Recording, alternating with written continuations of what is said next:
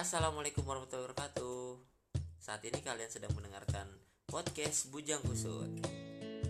Buat kalian teman-temanku yang ingin bercerita Ngeluarin unek-unek Pengen curhat Bisa banget sih. Kalian bisa isi di podcast ini.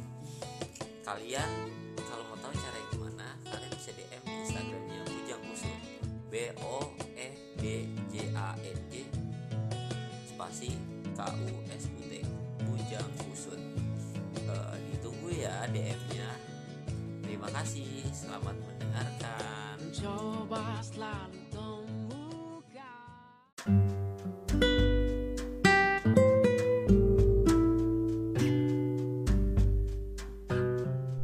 Halo guys, kembali lagi di podcast Bujang Kusut. Yeay.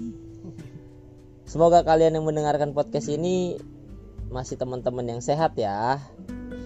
Hmm, kali ini gua ditemenin sama temen gua. Yang gua pengen dia nyebutin sendiri namanya. Halo. Halo halo. Teman-teman. Eh, kenalin nama gua Mawar. Mawar, bunga.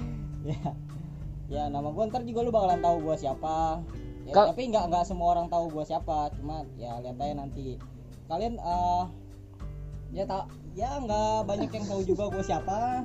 Makanya lu kenalin iya, nggak diri. pengen tahu gua juga siapa. Ya nama gua Denny. Biasa dipanggil Denny. Nama Instagram gua D H E N I Riswanto. Silakan blog. Nggak apa-apa juga kagak udah amat. Tapi dia buat lu cewek-cewek hati-hati. Karena dia udah punya pasangan. Lu ngefollow gua yakin sih kalau tipe-tipe cowok kayak dia IG-nya pasti nyangkut di HP bininya. Bener gak Den? Benar, ya benar. gua udah nikah. Umur pernikahan gua sekitar umur berapa ya? Lumayan lama lah. Berapa lama? bulan lah. Dia dia enggak enam bulan enam bulan. 6 Gua bulan. Baru nikah kemarin. Baru nikah kemarin. Dia nikah muda guys. Apa yang membuat lo berambisi untuk menikah muda? Nikah itu ibadah ya. Banyak orang yang tahu di agama muslim pun orang bilang nikah itu ibadah. Ya ntar juga gimana buat eh banyak kan pendengar lo itu anak sekolah ya? Campur-campur tua muda eh, cuman gua nggak tak kalau yang duda nggak ada sih kayaknya. Oh, ada. Duda janda nggak ada. ya, buat teman-teman yang baru umur 20 under 20 lah ya. Ah. Kalian pas nanti juga bakalan ngerasain. Nikah itu kayak apa ya? Nikah itu kayak cuci kaki kok bisa cuci kaki? Iya. kita main jauh ke mana main bola main apa entahlah itu ya. Tergantung kalian mau main mau main ke mana pun pulang Ah. ke rumah dengan keadaan kaki kotor. Ah, nah eh, nikah pokoknya kayak cuci kaki. Kaki lu lagi kotor kotornya nih kaki lu lagi kotor kotornya terus lu Ah. ketemu eh, mau ketemu siapa gitu mau ketemu orang spesial ntar lu bakalan cuci kaki di situ. Nanti Oh. lu ketemu ya pokoknya lu ketemu. Anak- Filosofi, filosofi nikah menurut gua ya iya. cuci kaki. Cuci kaki. Kaki. dan kayaknya gua harus banyak-banyak belajar analogi sama lu nih. Kan gua kurang nanggep sih tapi oke lah. Setiap orang punya cara berpikir sendiri dan apa ya menerjemahkan apa yang dia lakukan dengan bahasanya dia sendiri. Eh, kabar lu gimana Den alhamdulillah kabar sehat keluarga Sehat. sehat ekonomi kurang sehat. Dah Iya. kenapa bilang ekonomi kurang sehat? Biasa semua orang pasti ngerasain dampak ini kecuali kalian yang masih minta duit sama orang tuanya itu nggak ngerasain ya. Yang ngerasain buat orang-orang kayak yang kerja kerja yang susah usahanya juga bakalan usaha. usaha susah Eh tapi nggak juga lah Den, karena yang minta duit sama orang tua kan ada orang tuanya yang kerja, Nah, tapi ada orang yang tua. minta duitnya itu ngerti apa enggak nih? Eh, kalau nggak ngerti ya mau kayak gimana keadaan orang tuanya dia tetap minta. Ya namanya anak ya, namanya anak minta sama orang tua ya wajar sih gue bilang. Dan itu pun kewajiban orang tua karena sesusah susahnya lu jadi orang tua ini anak lo lu sekarang gini lu udah merit nih. Apakah lu tega membiarkan anak lu nggak jajan karena lu lagi ngerasa susah. Nggak mungkin dong. Ya bener gak Iya. otomatis lu bakal mengupayakan. Oh gini deh. Tanpa anak lu minta pun lu bakal tetap kayak nawarin nih mau jajan nggak? Ya kan? karena lu tahu lu ngalamin masa-masa muda masa-masa kecil ya kan? Jadi lu nggak bakal membiarkan anak lu tuh nggak apa ya ngerasa hidupnya Ya, nggak kalau- adil. ya kalau kalau itu sih banyak ah gimana ya pendapat seseorang be- beda bebas ya iya iya Ya, tapi kalau menurut gua gini tuyul aja masih kecil udah bisa nyari duit sendiri Hmm. Itu tuyul bro, tuyul diciptakan emang untuk nyopet. Beda sama anak kecil. Lu lucu juga kadang-kadang, tapi dia nggak jadi pelawak sih. pelacur Dia pelacur. Eh, tapi eh, walaupun ekonomi lu lagi nggak sehat, tapi makan mah masih ada lah ya. Mas, makan masih pakai tangan alhamdulillah. Iya, mas, makan pakai kaki berarti lu lahirnya nggak normal cuy, nggak punya nggak punya masih tangan. aman masih aman. Atau lu pemain sirkus. Makan pakai kaki. Wah keren sih. Anjir. Ya oke oke oke. Hmm, gini Den. Sebenarnya gua ngajak lu ngobrol gua gua ada ketertarikan buat ngebahas tentang lingku apa ya Eh, lingkungan narkoba di anak-anak generasi muda sih. Banyaknya hancur banyak hancurnya sebuah pertemanan karena narkoba. Ya kan? Eh gua pernah ngobrol-ngobrol sama lu. Mungkin gue pernah sedikit terima cerita lu tentang lu pernah ngalamin hal ini. Nah gue pengen lu cerita gue pengen lu berbagi aja sih di sini gimana dampaknya lu narkoba sampai lu akhirnya sekarang lu berhenti dan lu bangkit. Apa penyebabnya? Ya kan siapa yang mendorong lu sampai ke sini? Kayak gitu. Nah gue pertama-tama pengen ceritain lu eh pengen lu cerita awal mulanya lu bisa ketemu sama dunia begitu anda apa faktornya faktornya banyak orang yang bilang eh, narkoba itu berawal dari broken home. Broken home. Kemarin gue juga habis ba- bahas broken home ya terus terus terus. Ya banyak orang bilang broken home cuman eh, menurut gua bukan ya? Menurut- Bukan. iya menurut pribadi gua nggak ada kata broken home lari ke narkoba nggak ada. Oh nggak ada? Nggak ya ada. terus terus terus gimana? Menarik nih menarik nih. Narkoba itu berawal dari pertemanan. Nggak Per- ada kata, nggak ada kata broken home. Lu galau di rumah terus di, gini deh logikanya. Misalnya lu eh, orang tua lu pisah amit-amit. Orang Iya. tua lu pisah lu broken tuh lu bingung lu mau ngapain lu bingung. Terus lu punya pikiran oh gue mau pakai narkoba. Nah Hmm. gini kalau bukan berawal dari pertemanan pertemanan lu dapat uangnya dari mana? Eh dapat link buat lu beli narkoba dari mana? Oh iya ya dari Bener-bener. internet nggak ada internet yang jual narkoba. Kecuali ada di misalnya di satu sosial media lu teman lu. Hah? kayak ih teman gua pemakai nih. Oh pasti lu bakalan nanya dari dari teman lu yang pakai itu lu dapat barang ini dari mana dapat barang itu dari mana lu pasti Hmm. Iya, iya, bakal iya, ya nggak mungkin dari broken home terus tiba-tiba lu cari gitu di Tokopedia Iyalah. narkoba nggak ada ya sekarang kayak gini kalau seandainya gua kasih pun gua misal pengguna narkoba dan gua ngasih lu tanpa gua ngajarin lu menggunakan narkoba tersebut lu nggak bakal tahu anjir YouTube makanya nggak ada tutorial nggak ada mau Nggak ada. diciduk lu nah gue pengen lu cerita dari awalnya aja lu kenal dunia narkoba lu kejebur karena dunia kata kata lu karena pertemanan nah awal mulanya lu ketemu narkoba itu kapan ya gua ketemu narkoba tuh sekitar umur berapa ya umur 15 tahun lah Lima, 15 15 tahun. tahun berarti sekitar Weh. 25 tahun eh 15 tahun 10 tahun yang lalu gua dari umur berarti SMA dong SMA apa SMP lulus SMA oh lulus oh iya bener eh enggak enggak enggak lulus SMA masuk SMA iya masuk SMA. Iya, iya, iya, SMP oke. masuk SMA iya terus gimana tuh gimana Nah, eh, itu gua temenan di situ sama ada salah satu di daerah gua lah. Namanya Joni. Ted namanya Ted tet ya Ted. tet. ya terus terus. Gimana cara dia memperkenalkan dunia eh, narkoba kalau dari rokok ya sebenarnya dari rokok. Pertama kalau lu perokok aktif lu bukan perokok aktif sih dulu kayak kita ngerokok masih ngumpet-ngumpet nih ya. Oh, Rokok masih ngumpet-ngumpet masih kita- takut ketahuan orang tua. Nanti di situ eh, peluang-peluang buat bandar ngenalin narkoba itu besar. Karena gimana ya dia eh, pernah bukan penasaran. Kayak dia pengen pasar pasar narkobanya itu pasar narkoba dia datang itu dari eh, apa yang namanya? Dia pengennya luas lah ya Iya dia pengennya ke mana aja orang yang belum pernah pakai aja diajarin pakai. Pertama lu dikasih gratis. Iya. Pertama lu pasti dikasih gratis nggak mungkin lu pertama-tama langsung beli. Nah dari rokok itu gue ketahuan nyokap diomelin gini gini gini gini. Nggak lama dikomporin sama mereka. Iya di kompor gimana? Anjing emang tuh. Lu baru rokok aja gini gini gini gini. Nih coba nih pakai ini biar teman lu lebih banyak. Oh temen dari temen lu lebih Fuck, banyak alasannya dia temen temen lu lebih banyak. Itu yang pertama. Yang kedua kayak lu pakai ini bisa jadi lebih ini dari Leb- sebelumnya. lebih keren. Lebih keren J. lebih aktif lebih pasif Wah. dari yang sebelumnya.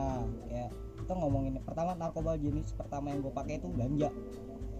Itu tahun 2012 2000 ya 2012 tuh ganja masih lagi marak-maraknya gue baru lulus sekolah tuh SMA tuh. Ya ya ya, ya terus terus terus 2015 tuh emang lagi marak-maraknya tuh ganja. Lagi di mana-mana ganja, mana-mana ganja. lagi hit sekarang pun lagi hits ya terus. iya, sampai sekarang udah nggak Ya. Di zaman gua pakai ganja itu harganya sekitar 50.000 masih dapat 12 batang. 50.000 12 batang. Terakhir gua dengar kabar ganja itu dapat 50.000 dapat 2 batang. Ay jauh banget. Selisihnya 10, 10. selisihnya boom. ya dari situ pakailah pakailah ganja. Efeknya apa tuh? efeknya kayak pertama kali lu pakai ganja tuh lu selau. kayak males ngapa-ngapain. Anjir. Perut lapar. Eh, perut lapar. Udah, udah banyak orang yang tahu juga saya pakai ganja itu perut lapar. Cuma bedanya ganja dulu ganja sekarang itu eh, kayak ganja dulu dipakai satu batang lima orang itu masih kena. Ah. beda sama sekarang. Ganja sekarang gua nggak tahu. Gua udah lama juga vakum sekitar iya iya iya tahun iya iya iya iya. kenal kenal sama orang-orang kayak gitu lagi. Dan dipakai itu. Sebenarnya ganja itu bukan efek candu ya menurut gue ya terus? Nggak ada efek candu nggak ada efek candu di ganja. Tapi Oh. menurut gue tuh setiap orang yang kayak eh, ter- terlalu bersandar lah sama kenyamanannya dia. Misalnya lu pakai ganja lu nyaman. Hmm. dia entah itu kayak terlalu makan lu kurang atau eh, ih gue stres nih gue pengen ketawa gue pengen pakai ganja. Pengaruh? Pengaruh. Hmm. Jadi kayak misalnya lu nggak suka makanan ini lu pakai itu pakai ganja lu jadi suka makanan itu. Pokoknya dari pengaruh itu nanti dampaknya lu bakalan eh, bukan ketergantungan ketergantungan ya sekali lagi. Gue camin buat teman-teman yang sekarang masih make atau belum pernah make jangan pernah pakai itu. Karena gini eh, candu sama ketergantungan itu beda jauh. Kan banyak kan Oh, iya, kayak iya banyak kan orang eh, pejabat-pejabat negara atau kayak gimana bilang semua jenis narkoba itu efeknya candu. Enggak kalau menurut gua enggak. Buktinya gue sekarang udah enggak. Iya. sama sekali. Hmm. sama sekali gue udah nggak pernah bukan candu ketergantungan. Kayak Hmm. misalnya lu pengen eh, ih gua kehilangan jati diri gua nih gara-gara Oh. gua, gua pakai itu ketemu jati diri gua tapi setelah gua nggak pakai itu lagi hilang. hilang jati diri gua. Iya iya. Nah di situ juga kayak ketemu apanya ya? Kayak tingkat kepedeannya lebih tinggi Hmm. atau apanya tuh dari ganja tuh ya. Eh, iya iya iya. selang da- dari ganja itu taruh taruh sebelum lu eh, ngebahas lewat situ gue mau nanya nih kan dari ganja hmm, oh lu bisa nafsu makan lu bisa makan yang tadinya nggak lu suka jadi, jadi suka. Nah. tapi setelah efek si ganja itu hilang apakah nafsu apa apakah makanan yang nggak lu suka tetap jadi lu suka atau jadi nggak suka lagi? Bukan nggak suka ya kayak ini misalnya gue nggak suka duren nih ya. Iya. gue nggak suka duren dalam Hmm. keadaan lapar gue pakai ganja gue pakai gue makan duren hmm. gue makan duren nah tapi setelah efek itu hilang gue udah nggak doyan duren ah serius? Iya iya. Jadi Oh. iya, gimana ya? Nggak sebenarnya nggak masuk logika. Cuman kayak gimana sih perut lu lagi ngerasain lapar-laparnya nih? Yang ada Iya, iya, yang iya. makanan makanan yang ada di depan mata lu cuma duren ah. Ya lu mau nggak mau lu makan itu. Ah. Iya iya iya iya. Setelah berapa lama tuh lu ketergantungan hal itu tuh? Gua ketergantungan sama ganja? Ketergantungan sama ganja itu buat uh, hampir yang yang terakhir gue pakai itu 2017 hmm. terakhir kali gue pakai 2017 itu gue benar-benar tergantungan banget. Tiga tahun yang lalu bro. Baru tiga tahun yang lalu. Iya iya iya iya. Terus terus Nah, terus. dari ganja di situ. Pokoknya awal narkoba yang tadi gue jelasin dari rokok. Rokok ke ganja. Kita udah coba-coba ganja nih. Ntar ketemu lagi yang namanya sabu. Sabu. Ya loncat ke sabu dulu deh. Sabu. Nah bisa. Sabu itu efeknya jauh. Jauh beda kayak nggak kayak eh, apa ya nggak kayak ganja. Kalau ganja kan eh, lebih santai. Santai bener. Nggak gedebak-gedebuk gitu. Pokoknya nyender aja makan Makan, selau, ketawa. nah itu kalau sabu tuh 180 derajat beda. Ini cara pakainya beda. Hmm. efeknya beda. Efeknya beda. Efeknya kalau ganja ya eh, ini peng- pengalaman gua di teman-teman gua juga ya. Ganja Ah. itu nggak maling banyak pakai orang pakai narkoba pasti maling. Iya. Ngambil barang temen ngambil barang siapa pun bakalan diambil sama kita. Kalau kita lagi pengen pakai. Tapi beda sama ganja. Kalau ganja itu lebih ke nggak mau ngapa-ngapain gitu. Ya nggak mau eh, pokoknya kayak nggak ada pikiran sedikit pun buat maling gitu. Buat ngambil barang yang bukan hak kita. Iya. nah kalau sabu gini setelah cara pakainya beda setelah kita pakai sabu itu tingkat kepedean kita itu meningkat 180 derajat daripada sebelumnya. Kayak yang tadi lu nggak berani ngomong sama si A lu nggak berani ngobrol sama si A kalau lu pakai itu lu jadi berani. Beraninya cuma berani ngobrol kayak hawanya pengen ngobrol hawanya pengen ngobrol hawanya pengen ngobrol itu satu. Kedua kayak nggak bisa tidur kalau ganja kan habis pakai pengennya tidur habis Hmm. makan pengennya tidur kalau sabu nggak sabu lebih ke nggak bisa tidur Dulu, Maunya ya, aktif. ya dulu lagi zaman zamannya gue ya lagi Ah. periode gue 2014 yang lalu 2014 itu sabu sekali satu kali pakai paketan paketan 200 ribu lah ya itu Hmm. pakai berenam aja itu nggak bisa tidur tiga hari be be gue nggak pernah bayangin. Enggak gue nggak pernah nyobain hal itu sih sebenarnya. Makanya gue nanya pengen tahu. Terus nah, terus. terakhir gue pakai itu efeknya cuma satu hari satu malam. Itu nggak tahu karena produksinya menipis atau kayak gimana gue nggak ngerti juga. Pasarannya juga beda jauh. Dulu Yeah. 150 ribu udah banyak banget. Sekarang Yeah. nggak tahu pasarannya berapa. Iya pokoknya dari efek itu eh, timbullah kenakalan-kenakalan yang nggak pernah gue lakuin sebelumnya misalnya. Ya mis ya. Gue ngambil barang orang. Wah lu pernah gue begitu? pernah ngambil barang orang. Dari situ Anjay. gua, dari situ gue belajar dari, dari sabu itu gue belajar badung. Bukan belajar badung sih. Kayak terpaksa buat berbuat itu. Kayak yang tadinya gue nggak pernah eh, ngejamret. Iya. Wah. gara pakai itu gue pengen pakai gue ngejamret. Anjay lu sampai ke sini oh, itu itu lu be- belajar begitu tuh. Oke gini ya. Gua gua tertarik sama cerita lu ya. Bukan berarti orang nakal nakal terus Eh, mungkin ini pengalaman pengalaman lu aja ya. dan gua pun sebenarnya bangga sih lu udah berani cerita nih lu berani jujur. Berarti tandanya lu udah bisa berdamai sama diri lu hmm. berdamai sama masa lalu lu. Mungkin ya mungkin itu dulu ya sekarang udah enggak ya kan. Ya lanjut lanjut lanjut lanjut. Ya yang tadi gue bilang dari ngejamret sampai begal yang tadinya gue nggak berani ngelukain seseorang nggak pernah berani ngelukain seseorang. Sampai-sampai satu waktu gue terpaksa ngelak- ngel- ngelakuin itu. Hmm. Ya di satu tempat ya kalau orang yang eh, wila- eh, teman-teman yang wilayahnya di penjaringan tahu pasar pagi lah ya dulu Iya. lagi marak-maraknya prostitusi di Mangga Besar tuh ya Ah. orang-orang jablay pulang jablay pulang lewat pasar pagi gua jamret nah jamret itu ngubar si Oh. tukang ojeknya ngubar sama jablaynya Hmm. pas nyampe gue terpaksa ngelukain itu tukang ojek gara-gara tukang ojeknya itu eh, apa ya, berani berani ngelawan biasanya gue yang target-target gue sebelumnya kayak gue ngambil ngambil aja udah los. Dia cuma Ah. teriak-teriakan doang. Cuman Ah. ini ngejar gue sampai sampai gue ketemu sama dia eh kita beri kajian dulu ya. Oke guys, Eh, kita lanjut lagi. Tadi jeda sholat isya. Alhamdulillah sesuatu banget ya. Kita baru kelar nih. Mantap. Sebenarnya bukan mau sombong sih, gue pengen ngelanjutin lupa sih yang mau di omongannya. Cuman gue ingetnya pas dari efek sabu sampai ke ngejamret. Oke dilanjut deh. jamret nah saking pengennya gue pakai itu bareng gue sampai ngejamret yang ya, Hmm.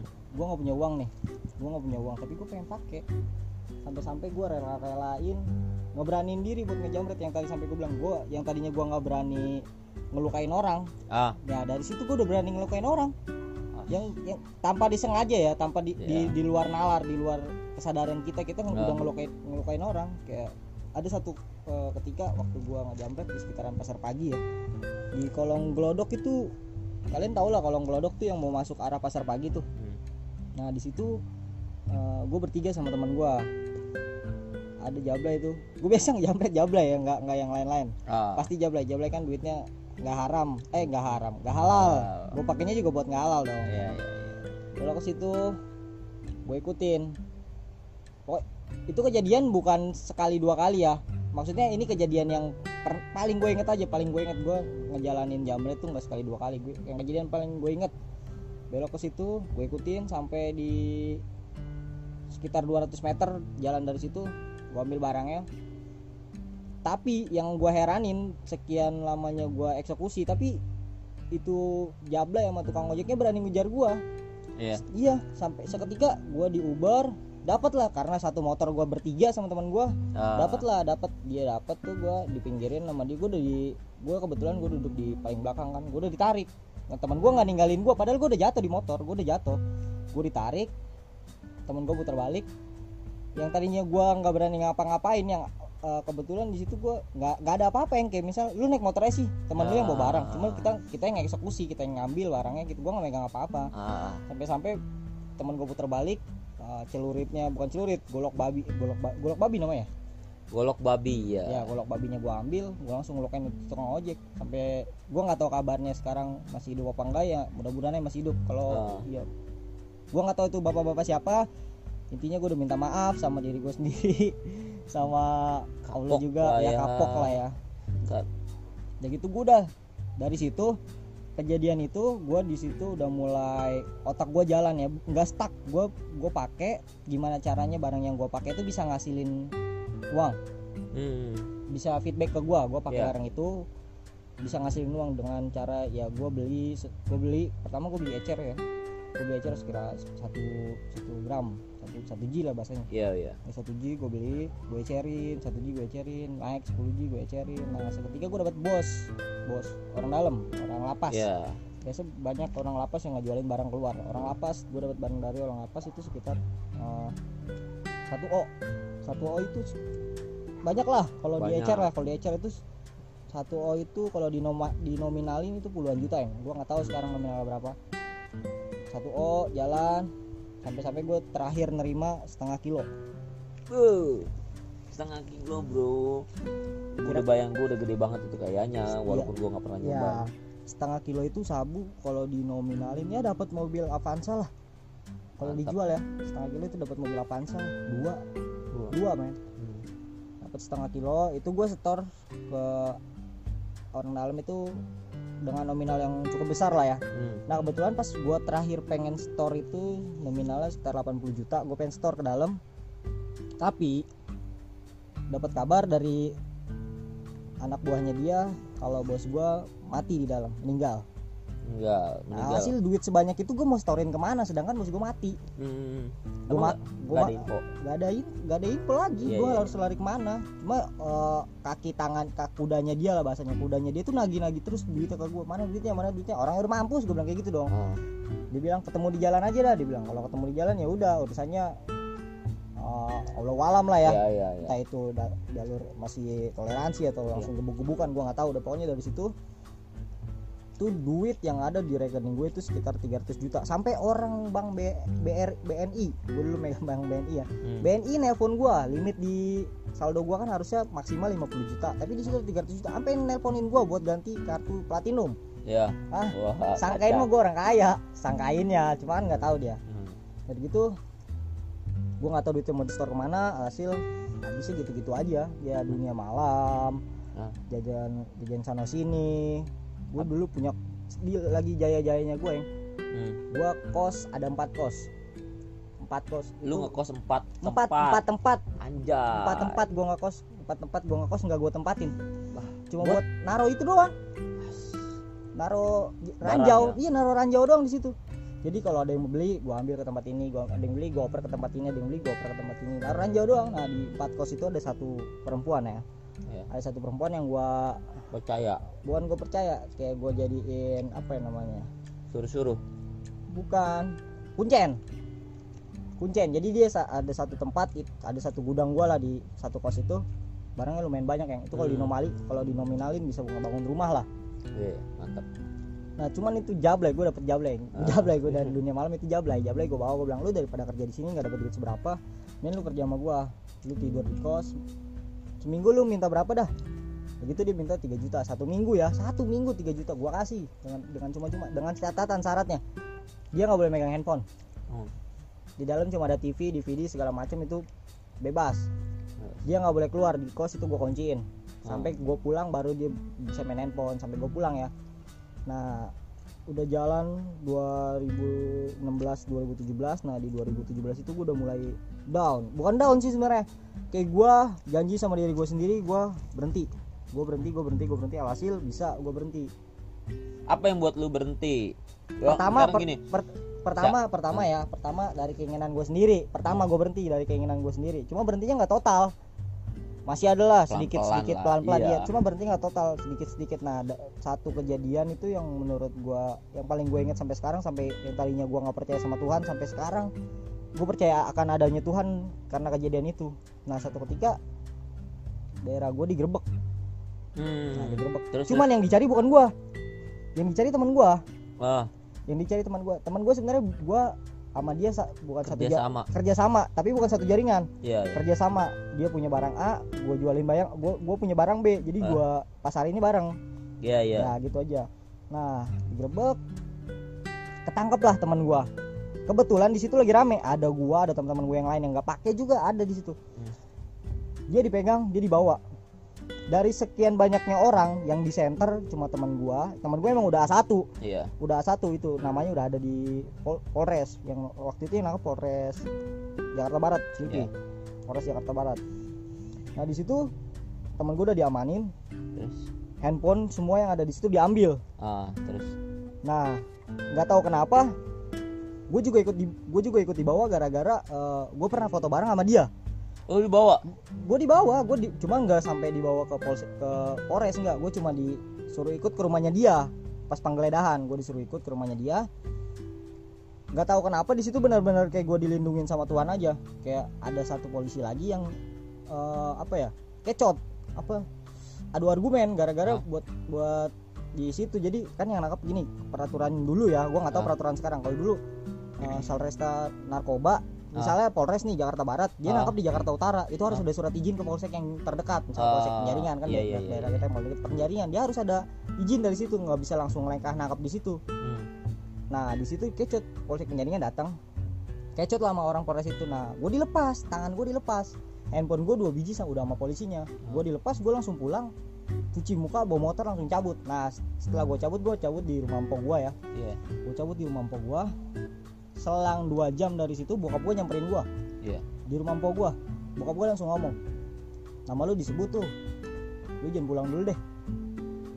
Dari situ itu itu juga paling ini ya paling inget gue yang yang tadinya bokap gue bilang lu kalau sampai sampai Narkoba. dengar narkoba nggak bakal gue mau tolongin lu sampai kapan dia Ah. bilang kayak gitu tapi gimana sih sisi baik sisi Itu hanya ancaman dan Iya. kenyataannya ketika lu ngalamin hal itu orang tua mana sih yang tega ya kan? nah itu dia Iya, iya, iya, iya, kasih iya. sayang orang tua yang ya itulah yang yang tadinya gue gak deket sama orang tua gue yang di situ tiba-tiba orang tua gue respect sama gue mau nolongin gue gue dibawa kabur sama dia ke Ah. kampung Hmm. kampung bokap gue naik motor dengan keadaan pakai celana boxer deng Oh.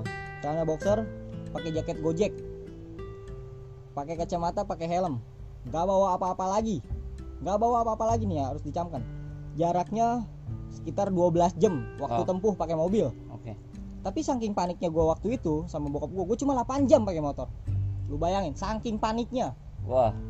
Gila gila gila gila. berdua sama bokap gue nah nyampe di Suatu tempat nyampe lah. di suatu tempat itu gue ke rumah langsung tutup kamar itu tutup kamar bokap gue ke depan ke teras ke Ah. di, di kampung itu bokap gue ke teras Hmm. gue nggak buka pintu kamar sekitar satu minggu satu minggu gue nggak buka pintu kamar gue apa ya namanya apa introspeksi diri gue sendiri gue gua gimana nih cara cara gue nebus kesalahan gue yang sekarang itu kayak gimana Hmm, iya, iya. apalagi background background- evaluasi ya. Iya. apalagi background keluarga gue nyokap gue guru Iya. iya. apa apa dia mau terima anaknya bandar narkoba Iya. Mungkin orang tua terima, tapi nama baiknya nah tercoreng. nama baiknya ini yang yang jadi dilema dilema Dilema. dilema gue saat itu gue di situ seminggu nggak keluar bokap gue bokap gue abis nganterin gue dia langsung pulang besoknya. Dua hari kemudian dia langsung pulang ke Jakarta lagi bokap gue Ah. nah selang dua minggu gue nggak gua nggak minta apa apa di situ kan gue nggak ada handphone gue nggak ada apa gue nggak Nah. punya apa-apa lah di situ lah pas di kampung itu. Tiba-tiba ada paket ke rumah gue nyamperin ada TV PS3 handphone baru kuota unlimited tiga bulan dikasih sama orang tua gue di situ gue baru mikir gila ini benar-benar apa ya yang bisa nolong yang bisa nolong kita saat kita terpuruk cuma satu orang tua. Keluarga. keluarga. Tapi nggak nih sorry nih gue kenapa gue sebutin nggak nggak saudara ya? Nggak saudara ya? Soalnya gue nggak punya saudara. Kalau menurut gue menurut gue pribadi nih gue gue gak punya saudara. Gue gak punya saudara karena saudara gue lu ada tapi nggak mau mengakui. Tapi gue gak mau mengakui. Gue alasannya? Alasannya ya menurut gue keluar saudara-saudara gue cuma bisa nyusahin gue doang.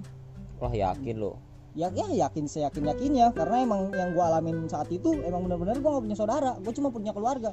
Hmm. temen gue yang tadinya nggak pernah kontekan sama sekali tiba-tiba kontekan. Itu gue anggap keluarga saat itu.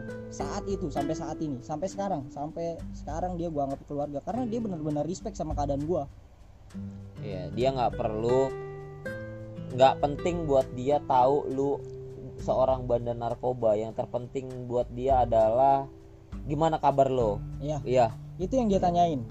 Itu yang selalu dia tanyain. Dia tanyain gue lu punya duit gak di sana? Lu punya duit gak di sana? Ditanya sama dia masih ingat lu dia lu buat jajan gue lo iya, gue iya. bilang udah nggak usah. Gini gini gini gini. Gue sekitar tiga bulan di sana. Baliklah ke Jakarta. Balik ke Jakarta ke wilayah lingkungan gue diasingin nih. Gue baru datang nih sama keluarga gue gue dijemput. Waktu Iya. itu gue dijemput sama bokap nyokap. Di situ eh, apa ya kejadian paling haru seumur hidup gue selama dari gue terakhir nangis itu umur 6 tahun kata nyokap gue Iya, ya kata iya, nyokap gue iya, terakhir gue iya. nangis umur 6 tahun sampai gue nangis lagi umur 23 tahun. Gue sampai nangis ya nggak pernah nangis lebaran pun sungkem biasa aja nggak pernah nangis kayak banyak orang yang bilang hati gue itu beku. Beku. nggak punya hati gue banyak orang yang bilang kayak gitu. Cuman pas itu nyokap gue jemput sama bokap gue nyokap gue matanya berkaca-kaca sampai dia bilang peluk gue salah apa mama nang? Sampai lu lari ke dunia seperti itu? Iya. Padahal gue nyokap gue guru. Bokap gue kerja. Iya. Gue kecukupan. Iya. Cuma gue nggak nggak berlebihan kehidupan Iya, gue nggak iya, berlebihan. iya. cuma gue cukup. Gue mau minta apa aja dikasih sama orang tua gue iya iya iya. cuman balik lagi kayak yang tadi gue bilang dari awal pertemanan yang bikin itu semua. Cur yang bikin itu semua hancur.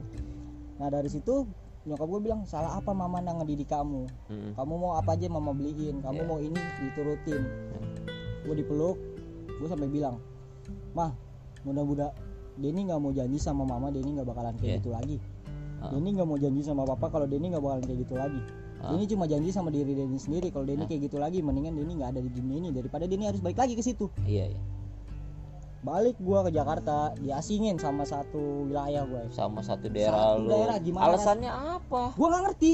Gua nggak ngerti. Teman-teman lu termasuk? Nggak kalau teman gua nggak. Kayak ibu-ibu ibu-ibunya mereka.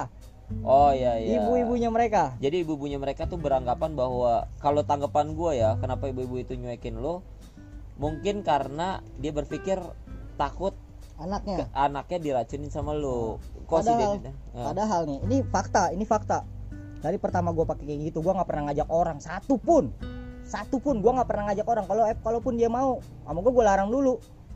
Kalau sampai-sampai dia kagak mau ya udah gua kasih. Itu kan mau dia sendiri. Itu yang pertama. Jadi gue diasingin. Datang satu minggu nggak satu minggu. Dalam hari itu itu kejadian paling berat dalam hidup gua. Satu gue punya cewek. Lagi zaman itu gue punya cewek pas gua di kampung itu gue diasing eh, bukan eh, yang tadi gue bilang gue di kampung gak balik-balik lagi. Gue ke sini lagi cewek gue udah nikah. Ah. gunting sama orang. Ya. Anjing gak? Tai. Ya ya ya ya ya ah kacau sih anjir itu hancur banget sih. Oh iya. Udah nggak punya apa-apa. Lu udah gembel. Udah gembel banget. Bokap nyokap gue nahan malu selama itu. Dia dia tapi menikmati proses lu punya duit waktu itu dia menikmati nggak? Dia nikmatin nikmatin banget. Wow. Apa pun bukan apa pun sih kayak pokoknya dia mau ya, lu dia, kasih. dia mau kasih dia mau kasih gitu Oh. aja. semenjak kepergian lu dia memilih untuk menikah dengan yang lain. Bukan sebenarnya bukan menikah dengan yang lain sih. Kebablasan. Aja Se ah. Ih tapi di situ ada ada poin ada poin baiknya loh. apa? Jadi pas gua balik ke sini, gua langsung ke tempat kawan gua, dia Ah. langsung bilang, Den, kalau lu diajak jalan sama si A, mantan gua yang tadi, kalau lu diajak jalan sama si A, jangan mau. Emang kenapa? Si A lagi ngisi. Tuh, eh, dia ngisi tanpa bilang-bilang ke gua, tapi gua masih berhubungan, masih Hmm. berhubungan, masih chat, masih apa gitu. Nanya-nanya kabar. Nah, satu malam dari dua hari gua di Jakarta, diajak ketemu sama dia cuma ketemunya nggak biasa dia ngajakin gua ke hotel gila gak weh anjir Ud- tapi pas dia ngajakin ke hotel lu udah tahu tuh informasi gua udah tahu makanya gue bilang enggak gue langsung bilang enggak dulu dia hubungin gua lagi. Nah dari situ dia udah nggak ngubungin gua lagi tiba-tiba pas ngubungin gua dia nggak berani ngubungin. Pas dia nikah pun temannya yang bilang ke gua. Dia mau nikah? iya si A udah nikah. Oh ya udah bagus deh. Berarti bukan berarti emang benar-benar Tuhan ngejauhin gua dari orang-orang yang jahat sama gua. Iya iya iya iya iya. Nah begitu dia begitu sampai sekarang sih dia masih kepoin gua. Ah. Mungkin dia nyesel kali nyesel kali apa mungkin dia ternyata salah pilih pasangan hidup Nah. ya kan? Dia baru sadar bahwa eh, lu lah yang lebih baik mungkin kalau menurut gua daripada eh, suaminya yang sekarang. Sal- mungkin dia juga sedang meresapi sebuah kesalahan yang telah dia buat. Seumur hidup? Seumur iyalah hidup itu dampaknya? Dia kan kayak gini harusnya dia seneng sama lo. Hmm. Ketika lu sulit harusnya dia nemenin bukan yang ninggalin lo iya. Tapi bersyukurnya lo lu tuh sebelum tapi gini gini. Pas lu kabur lu ada niatan serius gak sih sama dia? Ada. Oh. Ada. Pokoknya pas lu balik lu mau seriusin dia gitu? Enggak enggak apa? enggak kalau di situ enggak gua udah gua udah sadar diri ah gua buka- gua udah buruk nih. Ah, enggak gua, pantas buat ya dia. gua nggak pantas. Mungkin gua bak- bakal dapet pasangan yang jauh lebih buruk dari dari gua. Ah, dari situ udah itu keterpurukan gua banget. Itu gua sampai-sampai eh, bikin SKC ke gua susah yang.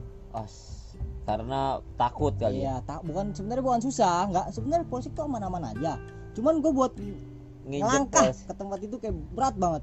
Takutnya kalau lu bikin oh lu Denny. Nah itu dia. Sini dulu lu. Ya mau ke mana Iya, iya, kamu iya, iya, padahal gua iya. udah nggak macam-macam ya. Iya, Udah tiga udah, bulan udah hilang harusnya. Karena ya syukurnya lu sekarang emang udah ngelewatin nih itu sih ya.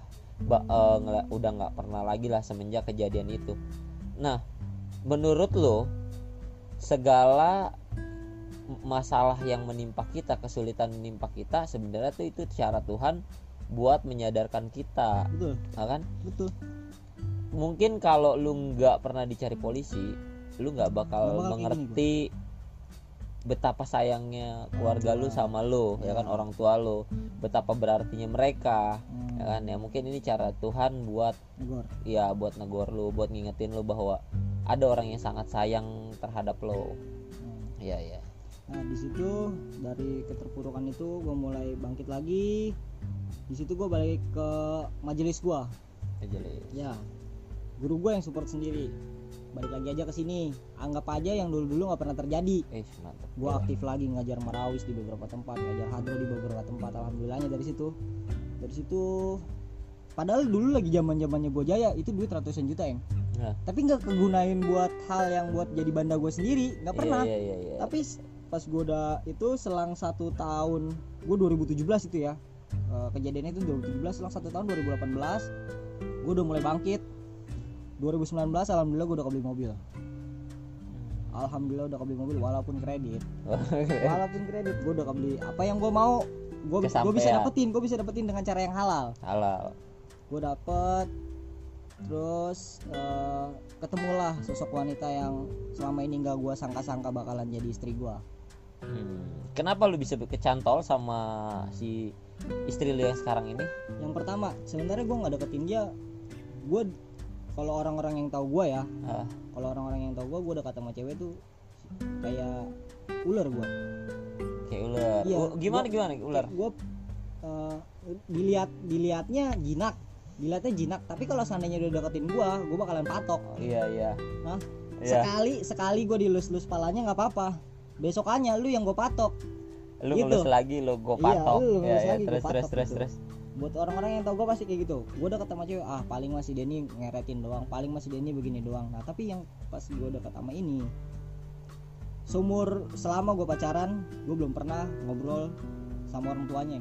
Gue pacaran jemput depan gang ya. jauh dari rumah lah. Nah, Ya. sama dia ini gue kenapa emang gue udah dasarnya udah jenuh lah ya. Udah jenuh. Udah jenuh sama kehidupan. Ah gue udah pernah ngerasain semua oh iya gue pernah ngerasain semua hal badung. Kayak gue pernah nyacatin orang yang tadi gue bilang. Iya gue pernah jual narkoba sebelum orang-orang anak-anak sekarang pakai narkoba. Gue udah pernah gue udah pernah ngejual gue udah pernah apa pernah ke dunia malam pernah jambret diskotik atau segala macem. Hmm. cuma satu yang belum pernah gue lakuin. Apa? Ngebunuh. Wah jangan sampai sih? Itu ngebunuh. Wah. Nah itu. Gua nggak pernah ngebayangin hal itu. Nah itu dia. Makanya se- sekarang buat orang-orang yang tahu gue kalau seandainya gue emosi cuma satu kata lontaran yang gue lemparin ke orang tersebut. Apa gue pernah ngelakuin apa aja bang Ih. lu memperingatkan dia ya iya gue gue ngingetin aja kalau kita kita selesain bye bye aja jangan Iya. cara kasar istilahnya lu salah neror orang lah Iya. Ya. tapi gini dibalik eh, apa yang pernah dilakuin sama orang-orang nakal endingnya dia membutuhkan sesuatu yang eh gimana ya membutuhkan sesuatu eh gimana ya tadi gua gua jadi ngablu sih ngomongnya serius serius gua jadi ngablu membutuhkan sosok lah ya Iya, eh, butuh butuh keseriusan sih, ya. Jadi kayak lu nakal, endingnya lu capek sama nakal lu dan lu pengen ya udah lurus-lurus aja. Cuman Iya, tinggal tunggu ketemu. waktunya aja ya.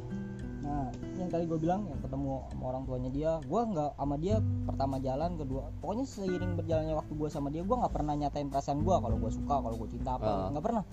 Nah ada satu ketika momen gue jalan sama nyokapnya dia sama adiknya dia sama dia gue langsung Ah. bilang ke orang tuanya tante eh, biar selama ini ada yang ke rumah gak cowok? Nggak ada paling dulu sekarang udah nggak ada lagi. Kalau saya ke rumah boleh gitu boleh lah enggak kalau kalau saya ke rumahnya bukan saya sendiri. Hmm, sama orang tua saya dia langsung kaget ya iya ya. dia langsung kaget. Wah, itu berapa lama tuh udah bisa nyampe ke rumahnya tuh?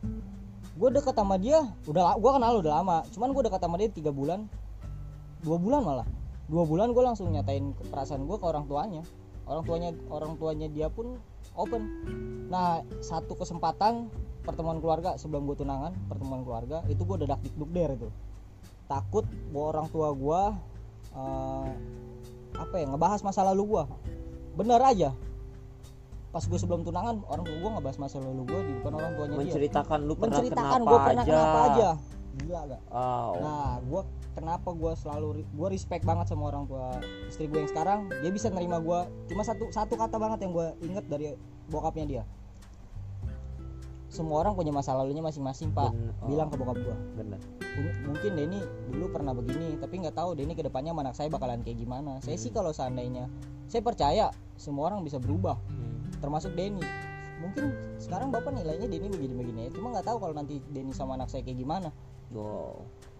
Gila itu lu langsung kayak seketika Seket- lu iya jadi yang mendapatkan Hmm. support dari orang yang nggak lu sangka-sangka. sampai keringet dingin pas bokap gue bilang Denny dulu pernah dicariin polisi keringet dingin gue langsung tempatnya AC dingin di kafe sampai keringet dingin gue bokapnya dia bilang bokap dia bilang kayak gitu gue langsung plang lega eh kayak main boker loh gue iya lega banget udah begitu nikah lah sampai sekarang Eh, alhamdulillah istri gue udah ngandung lima bulan Ah, ya, prediksi. Desember Tahu, mantap. Bentar lagi punya calon bentar lagi jadi jadi bayi, Jadi jadi, babe. bapak, Iya. jadi babe.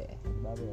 cerita gue yang sekarang ini mu- mungkin bakalan gue ceritain ke anak gue nantinya kalau Hmm. biar dia tahu buat bukan bukan buat anak gue doang sih Hmm. buat teman-teman yang denger juga sekarang eh, pesan gue cuma satu deh bertemanan berteman sama siapa aja mau sama anak kolong kek Ya. mau sama anak orang kaya kek Ah. terserah lu mau temenan sama siapa sama siapa aja cuma satu Apa? kalau seandainya dia udah kenal narkoba lu masih boleh berteman cuma lu jangan sampai mau coba Jangan ngikutin arusnya. jangan jangan sampai mau coba pokoknya satu kali coba emang emang yang tadi gue bilang nggak nggak candu Hmm. cuma nantinya takutnya lu berke apa ya, ketergantungan sama hal itu Hal itu. nah Jadi kayak lu ngerasa bahwa narkoba adalah teman lu. nah satu lagi Apa? ini pesan gua terhadap orang-orang yang sekarang pasti pakai ya masih Ya, pakai ya, ya, terhadap satu orang masih yang masih pakai cuma orang pakai narkoba itu cuma ada dua pilihan Apa tuh? Kaki kanan di penjara kaki kirinya mati Maksudnya kaki kanan di penjara, kaki kirinya cuma ada dua pilihan kalau lu Oh. nggak mati Kalau lu nggak mati, Ya lu di penjara. penjara. udah itu aja Kalau lu nggak mau dua-duanya, maka segeralah Segeralah lu berhenti. tobat. Berhenti. gak usah lu tobat lu berhenti aja udah bagus Kalau lu bilang susah buat berhenti, lu contohnya, bukti lu sekarang bisa. Bener gak? lu lu jangan janji sama orang. Kalau lu mau berhenti lu jangan janji sama orang. Lu janji sama diri lu sendiri. Kalau lu janji sama orang lu masih pinter-pinter otak lu bakalan bisa Ah. bohong sama orang. Tapi kalau lu janji sama diri lu sendiri lu mikir buat bohong sama diri lu sendiri nggak bisa. Iya iya iya. lu janji sama diri lu sendiri lu pasti bisa. Tapi gini nih, berubah itu perlu Proses. per- perlu proses dan perlu fak, eh, perlu faktor gak sih? Kayak misal kayak lu, lu tergantung ya. berubah kalau gua fa- kalau gua faktor gua karena emang terpuruk terus orang tua gua jadi lebih yang tadinya gua nggak percaya kalau orang tua gua sesayang itu sama gua terus tiba-tiba kayak gitu. Ya itu faktor salah satu faktornya. Ah. cuman tergantung sih orang-orang kayak ada teman gua juga ya. Ya. dia nikah masih pakai narkoba ya. Nah, setelah dia nikah masih pakai narkoba. Dia berhenti berhentinya gara-gara apa? Gara-gara sharing sama gua dia sharing sama gua kayak gini kayak gini kayak gini kayak gini. Dia baru dia dia dia cuma ngomong kayak gini ke gua. Gua mau coba belajar janji sama diri gua sendiri aja. Cuma bukan Ah. tentang itu bukan tentang narkoba. Gua mau janji belajar janji sama diri sendiri dulu deh. Eh, kalau udah bisa belajar janji sama diri lu sendiri baru terserah lu lu mau ngeluarin janji apa pun. Itu bakalan eh, iya terus terwujud terus. sih. Eh, lagi. ap- apa ya?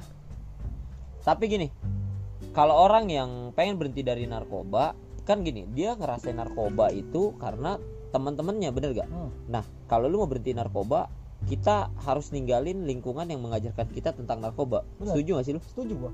Setuju ya? Setuju. emang emang harus kayak gitu ya prosesnya ya? Kalau lu nongkrong di tempat sampah lu bakalan bawa sampah. Iya ya kan banyak pepatah kayak gitu. Dan gini men lu ja buat teman-teman gua wejangan sedikit nih. Eh, lu yang ngerasa diri lu gagal yang lu udah ngerasa hancur lu ngerasa nggak pede karena lu udah pernah makan narkoba. Inget bro seburuk-buruknya manusia dia berhak mendapatkan masa depan yang baik. Oke? Nah sekarang lu tinggal pilih aja nih lu mau baik ke depannya atau enggak. Kalau lu bilang nggak bisa atau lu denger dari temen lu nggak bisa ini gua ngadirin Denny buat cerita di sini. Denny salah satu contoh yang sudah bisa ninggalin dunia kayak gitu ya kan? Eh, nggak ada yang nggak bisa kalau lu mau berusaha. Kan lu bisa menjadi lebih baik. Inget bro lu siapa sih orang yang nggak pengen punya masa depan? Pengen punya keluarga hidup tenang ya kan? Lu ini eh lu kerja di narkoba pun jualan narkoba duit lu banyak tujuannya cuma satu.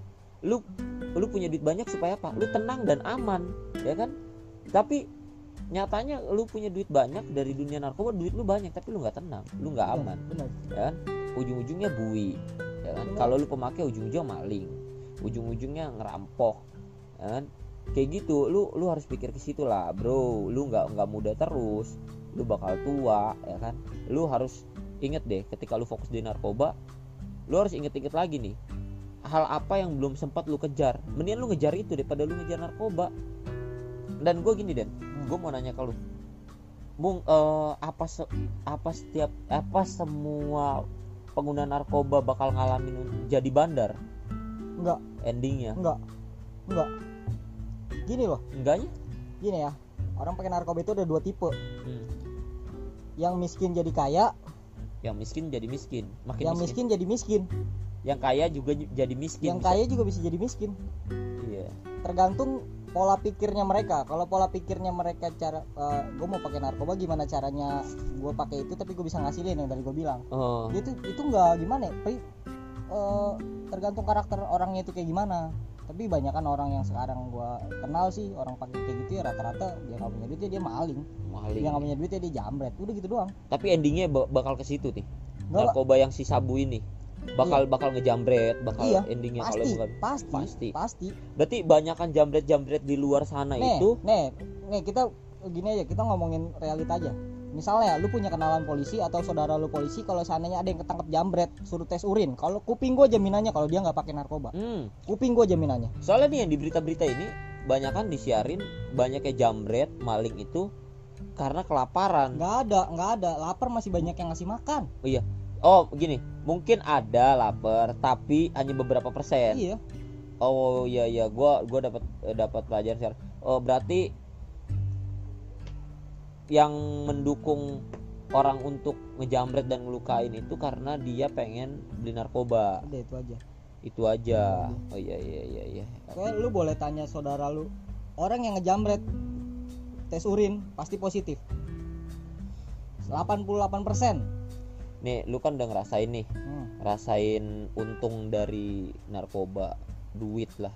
Jangan ngomongin untung nanti mereka yang ada tergiur. Enggak enggak gua ngomong gini lu udah ngerasain untung dari narkoba. Nah, ya kan? Menurut lu narkoba masih tetap pantas untuk orang nyobain apa enggak? Atau ada di di dunia ini apa enggak? Kalau kata gua gua sendiri nih ya Hah? eh, buat teman-teman Dari- yang belum pakai lu boleh tahu tapi lu jangan coba. Tapi takutnya dia tertarik. Enggak nggak mungkin. Kan gini kayak lu misalnya ya eh, tertarik nih tertarik lu ngelihat temen lu suka sama artis-artis Korea nih Heeh. lu tertarik buat ngeliat lu tertarik buat ngeliat tapi lu nggak pengen kayak temen lu jadi Iya, kecanduan. iya iya. Nggak kepengen kan? Gua gua pun gua bukan bukannya meratain gua sama Denny ya. Mungkin Denny pernah kejebur dan eh, udah gitu dia pernah diracuni gua Hmm. nongkrong di mana-mana. Temen narkoba ada teman mabok ada teman maling ada teman cuman gua dari dulu gua selalu terngiang-ngiang sama omongan emak gua. Lu jadi laki-laki cukup nakal berantem setelah itu jangan dicoba lagi. Ingat mama sayang sama mama. Sampai sekarang detik ini pun gua nggak pernah tahu rasanya nyabu kayak gimana ganja kayak gimana ngerokok pun. Gue bersyukurnya itu karena bener kata Denny beberapa teman gue yang nyoba nyoba nyoba ganja awalnya dari rokok. Karena dia prosesnya sama, dilinting dibakar cuman bedanya kalau ngeganja ngefly kalau ngerokok ya lu Biasa ya aja. biasa aja. Iya iya iya. Tapi ap- eh, pelajaran apa sih yang lu dapatin dari kejadian ini? Dari proses narkoba pelajaran apa yang lu dapat sampai sekarang? Pelajarannya Pelajaran hidup. ya gini. Sejauh apa pun senakal apa pun sebrengsek apa pun seseorang kalau dia udah nemuin titik jenuh udah capek sama sama semuanya cuma ada dua pilihan. Bangkit atau terpuruk terus. Tapi lu kecewa nggak sama narkoba? Kecewa nggak? Kalau dibilang kecewa kecewa banget. Karena gini kecewa loh. banget. Serak 80% narkoba itu asalnya dari barang sitaan. Heeh, misalnya gue bandar. Heeh, gue disita barang gue heeh. ntar barang gue itu dijual lagi sama oknum tertentu dan dijual lama-lama yang yang ngedarin ketangkep lagi. Ketangkap lagi gitu terus. lagi terus. Emang siklusnya udah kayak gitu ya? Iya bisa berhenti. Pas hari kiamat. Sama kayak eh, Palestina sama Israel aja. Nggak bakal beris- nggak bakal bisa kelar. Ah, tapi Sampai- sampai tapi itu. alang eh, tapi kita walaupun pikiran kayak gitu kita harus tetap optimis lah ya Iya. berdoa ya. Semoga semoga bisa berhenti. Iya, semoga di masa mendatang jangan ada narkoba lagi. Karena Amin. lu udah mau jadi seorang ayah nih pasti lu Iya, khawatir bener, dong. bener bener banget. Takut takut ya kan? banget. Takut terjadi hal-hal kayak gitu di depan eh menimpa anak lu. Dan bersyukurnya lu udah pernah ngalamin. Dan buat gua kalau kejadian pahit yang pernah kita alamin kita bakal ngedikte anak kita buat jangan pernah lakuin hal itu. Karena lu udah tahu nih impactnya kayak gimana. Dan lu udah tahu cara ngantisipasinya kayak gimana. Karena lu dulu dulu lu lu paham cara ngumpet-ngumpet dari orang tua Iya. tuh kayak gimana. Nah lu akhirnya lu nanti punya punya poin. Nggak semua eh, apa ya nggak semua dari narkoba itu eh, negatif. Ada positif ya positifnya ke depannya lu bisa lebih menjaga keluarga lo Hmm. ya kan? Lu bisa mengantisipasi. Lu tahu lah dibohongin gimana Ya, gimana cara jaga anak kayak kan? Kayak gitu gitulah ya. Iya sih. Ya pokoknya kita harus tetap semangat lah. Kalau bisa jauhi narkoba lah. Betul. Ya buat eh, lu teman-teman yang pengen tahu jangan tahu mendingan. Kalau gua ngeliat kayak gitu udah bodo amat. Gua nggak kalau kalau kalau menurut gue yang yang bekas nih yang bekas yang pernah terjun lah. Lu boleh tahu tapi lu jangan coba. Soalnya kalau kita nggak tahu kita bisa di ini loh diajarin. diajarin bukan diajarin dibohongin. Dibohongin. Dibohongin buat keuntungan dia sendiri buat keuntungan si bandarnya sendiri. Kayak misalnya ganja. Lu ngerokok nih Hmm. tapi lu nggak tau ganja dikasih lah lintingan. Rokok. Ini rokok rokok Jawa misalnya. Iya iya iya. Aja. Terus lu keenakan. Jadi lu Kan- nggak tahu. Yang penting lu tahu tapi lu jangan coba. Misalnya lu tahu kalau lu udah tahu kan enak. Oh ganja begini. Eh, oh baunya begini. Eh, oh ininya begini. Oh ininya begini. Ya udah lu tahu. Iya iya iya. Kan jadi nggak- sewaktu-waktu ditawarin enggak deh. Iya, tapi tahu. ABG, ABG rata-rata penasarannya tinggi. Kalau pokoknya kalau gua ya dari gua pengalaman gua, kalau lu diajarin kayak gitu, lu harus ingat, ingat banget. Lu punya orang tua, Iya. orang tua yang membesarkan lu, dia berharap ketika lu besar lu bisa jadi eh, pelindung buat keluarga lu, bisa dibanggain sama keluarga lu. Karena lu perlu ya karena yang harus lu ingat adalah orang tua membesarkan lu sampai sekarang ini nggak murah dia beliin susu, ngasih makan, ngasih pakaian, ngasih fasilitas, ngasih sekolah. Lu jangan mau kalah sama orang yang baru kenal di saat lu dewasa. Ngancurin lo. Karena balik lagi ketika lu sulit, kayak lu si pak kalau lu nyimak dari awal lu dengar kisahnya Denny. Denny dihancurin sama temennya. Yang ngerangkul dia keluarganya lagi temen-temen cabut hilang ya kan? Temen cuma bisa ngancurin.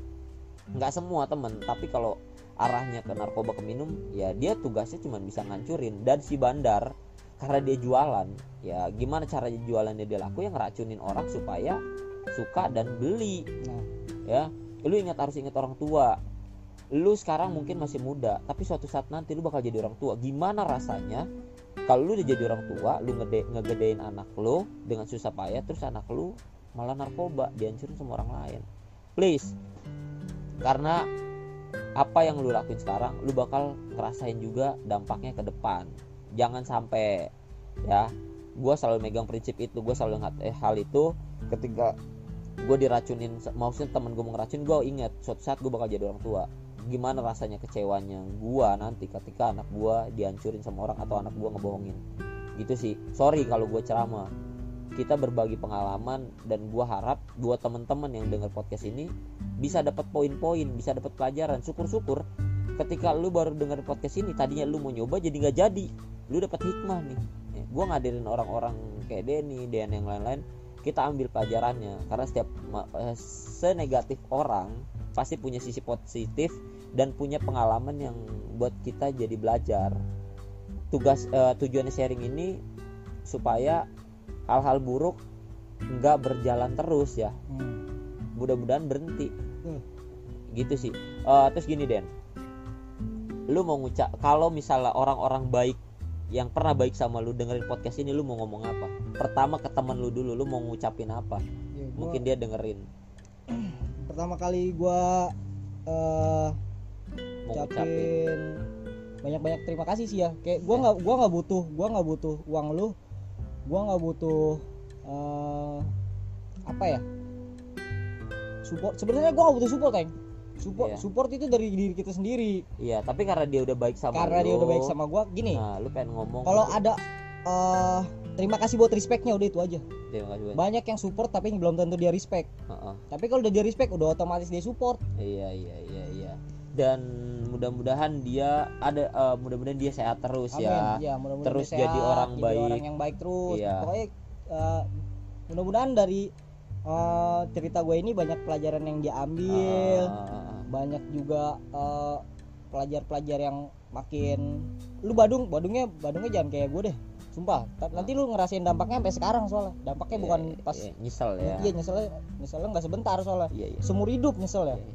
Bener. pokoknya gue gue sangat terharu sih ada temen yang kayak gitu gue pernah ngalamin tapi eh, kalau Denny mungkin lebih lebih keren lagi lah karena di saat dia sulit kayak gitu di tertimpa masalah narkoba dicari polisi masih ada sempat sempatnya temen nanyain kondisi dia padahal jelas-jelas kalau kita pikir bandar itu banyak duitnya tapi dia Iya. masih mikirin Masih bahwa mikirin Denny duit. makan apa enggak ya Eh, buat lu temen Denny yang pernah baik sama Denny teruslah menjadi orang baik ya. Mungkin apa jadinya dunia ini tanpa kehadiran orang-orang baik seperti lo? Ya mungkin Denny juga bisa melak- meneruskan hal-hal baik karena dia pernah diperlakukan secara baik oleh teman-temannya. Buat nyokap lo dan keluarga lo mungkin lo belum sempat ngomong apa-apa. Lo mau ngomong di sini nggak apa-apa sampein aja. Ajarkan teman-teman kita untuk bisa berdamai dan bisa ngungkapin sesuatu dari lubuk hati yang paling dalam jujur. Ya, seumur hidup bukan seumur hidup. Selama 23 tahun gue belum pernah cium tangan kanan orang tua gue bolak-balik ya. belum. Sampai Belum sekarang? pernah, enggak. Terakhir eh, pas kejadian itu Nah. sampai gue cium tangan nyokap bokap gue bolak-balik kakinya gue cuciin saking gimana ya? Saking rasa terharu. Saking rasa terharunya.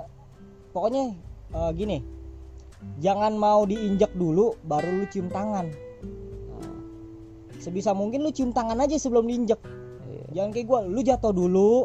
Baru lu jatuh lu baru sadar. Jangan. Kalau bisa mah sadar dulu. Nah, tanpa jatuh. Iya, iya. tanpa jatuh tanpa jatuh kita harus ya gimana sih? Bersyukurnya lo bersyukurnya bersyukurnya gue tuh karena eh, apa ya? Masih dikasih nyawa sekarang masih bisa Di- dikasih jalan Dikasih taubat, jalan taubatnya. dikasih eh, dikasih izin untuk berumah tangga sama Nah, Allah ya, dia. dikasih ketenangan, Nah, bisa hidup dia. normal. betul Dan bersyukurlah lagi lu berubah dan orang tua lu dua-duanya masih ada. alhamdulillahnya itu Kalau misalnya orang tua lu udah nggak ada baru lu sadar, wah aduh anjir, itu gila hancur. itu dosa paling gimana ya dosa paling berat lah istilahnya kayak gitu eh, eh, eh. gak bakal diampunin dosa gua Semoga orang tua lu sehat terus lah ya. amin amin Amin dan mudah-mudahan calon anak lu menjadi anak yang soleh. Amin. Amin, Amin amin, amin. Respect terus lah buat lu Den. amin Jangan pernah balik lagi ke masa lalu ya. gak akan buruk-buruknya gua gak akan Mudah-mudahan teman-teman kita, adik-adik kita semuanya bisa bener lah. amin Kalau lu ngerasa bete nyobain narkoba, mendingan lu kejar hobi lu. Lu Betul. lu suka seni, lu hajar ke seni.